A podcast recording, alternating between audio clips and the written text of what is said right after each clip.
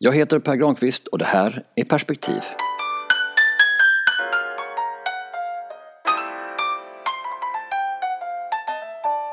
Om lagligt och lämpligt. Att vem som helst får ha sex med vem som helst är en viktig princip i ett liberalt, jämställt och humanistiskt samhälle.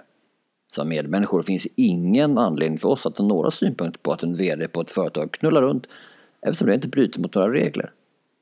Som någon som har intresserat sig för etikfrågor i näringslivet tycker jag däremot att det är intressant att reflektera över att sådant beteende kommunicerar till omvärlden.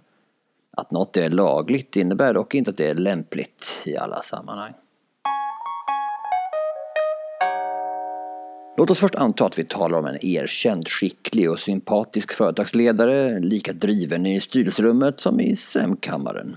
En förtroendeingivande person som uppenbarligen går hem hos och med många.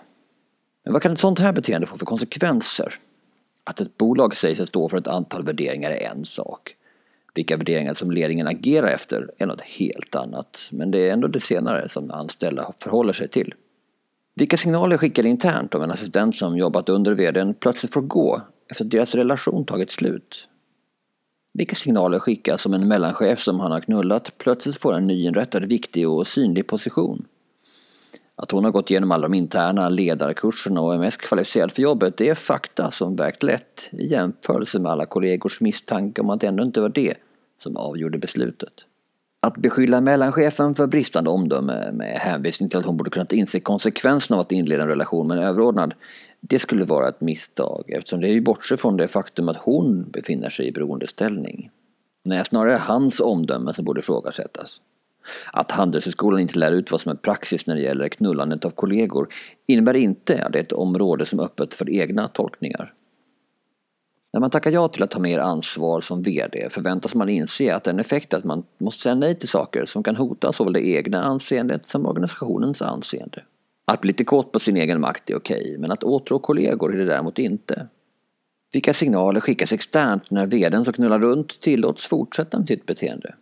Vilka signaler skickar styrelsen, som ju ansvarar för att tillsätta och avsätta VD, när de verkar vilja att riskera både bolagets och hela branschens rykte genom att tillåta att agerandet fortgår?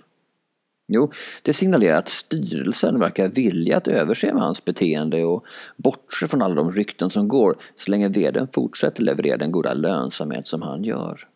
Men att något vanligtvis är att betrakta som privat fråntar inte styrelsen ansvaret för att upplysa vdn om att hans oförmåga att behärska sitt sexuella begär ger dem rätt att initiera en utlösning av hans fallskärm.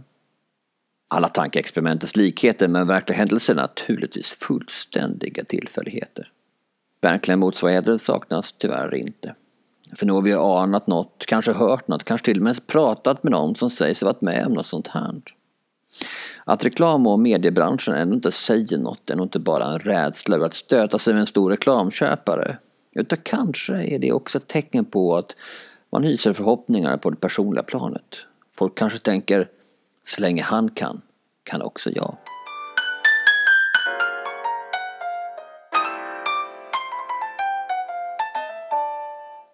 Vill du få fler perspektiv?